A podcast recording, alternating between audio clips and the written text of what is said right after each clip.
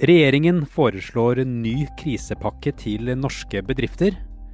Og Folkehelseinstituttet vil spore smitten med en ny app. Det her er korona kort forklart fra Aftenposten. Det er fredag ettermiddag 27. mars.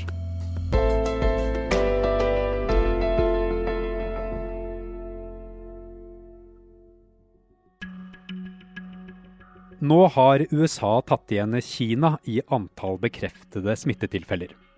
Og på verdensbasis har nå 24 000 mennesker mistet livet etter å ha blitt smittet av koronaviruset.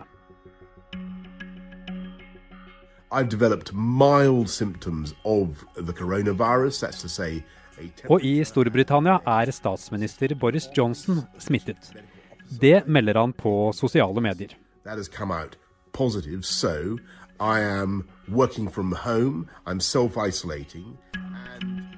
Folkehelseinstituttet og det statseide selskapet Simula har laget en ny app som skal spore koronasmitte.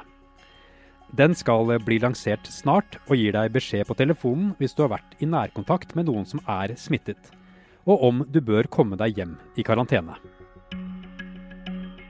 Siden torsdag 12.3 har Nav fått inn over 300 000 søknader om dagpenger. De aller fleste av dem som følge av permitteringer. Nesten eh, ja, 335 000 nordmenn er registrert som arbeidsledige. Unge kvinner med lav inntekt og kort utdanning blir hardest rammet av den økonomiske krisen. Det viser tall fra Frisch-senteret og Statistisk sentralbyrå. I proposisjonen vi legger frem i dag, foreslår regjeringen omfattende økonomiske tiltak. Regjeringen og organisasjonene i næringslivet la i dag frem noe av det som kan komme i en ny krisepakke for norske bedrifter. Vi dekker altså en del av de kostnadene som bedriftene ikke kommer unna. En slags kontantstøtte. Med de nye tiltakene som ble presentert i dag, er krisepakkene til sammen på 310 milliarder kroner i tillegg til de 10-20 månedlige milliardene som skal inn i den kontantstøtteaktige ordningen. De som nå frykter at eh, gründerselskapet, enkeltmannsforetak eller familiebedriften, de skal vite at mer hjelp er på vei. Hanne Kristiansen, økonomijournalist i Aftenposten. Hva ligger i disse nye tiltakene? Altså, I dag har regjeringen lagt frem en ganske lang rekke med tiltak. Vi er inne i det regjeringen kaller fase to av krisepakken. Første fase skulle løse de akutte økonomiske utfordringene, så bl.a. sikre inntekt til permitterte arbeidstakere. Men i dag kom tiltakene som skal hjelpe bedriftene som nå opplever at all inntekt forsvinner så å si over natten. Finansministeren sa dette handler om de som trenger cash, ikke kreditt. Eh, den viktigste delen av den ordningen som er varslet i dag, handler om altså det er en ordning som skal sikre 10-20 milliarder kroner per måned til å dekke uunngåelige utgifter.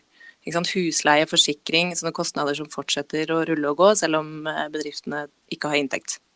Detaljene i denne ordningen er fortsatt litt uklare. Det er, ikke, det er ikke helt klart hvor mye som skal dekkes, eller når man kan forvente å ha pengene på konto.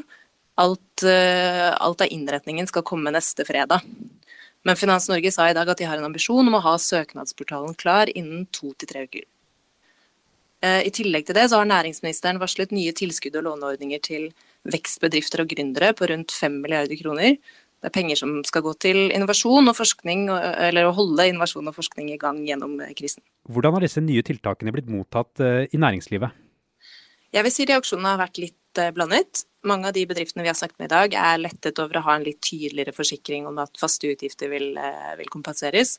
Men det er fortsatt veldig mye usikkerhet rundt uh, når pengene kommer og hvor mye den enkelte kan forvente. Det nærmer seg for, eh, veldig mange så nærmer seg husleie nå 1.4. Uh, det er heller ikke alle som er helt betrygget av ordlyden regjeringen bruker. Det snakkes veldig mye om å redde sunne og levedyktige bedrifter. Vi snakket med f.eks. kulturbedrifter som har gått med tap noen år og frykter at de vil falle utenfor eh, kategorien av hvilke bedrifter som kan være levedyktige etter krisen. Eh, og så har det også vært et veldig tydelig budskap fra regjeringen i dag om at staten ikke kan ta hele regningen. I Danmark så lover man jo 100% kompensasjon for faste utgifter, men her er det eh, et tydelig budskap om at f.eks. utleierne skal ta sin del av kostnaden ved å redusere eller utsette husleie. Og Det er det ikke alle som er helt overbevist om at man kan være trygg på at de gjør. Så det er veldig mye som skal meisles ut neste uken.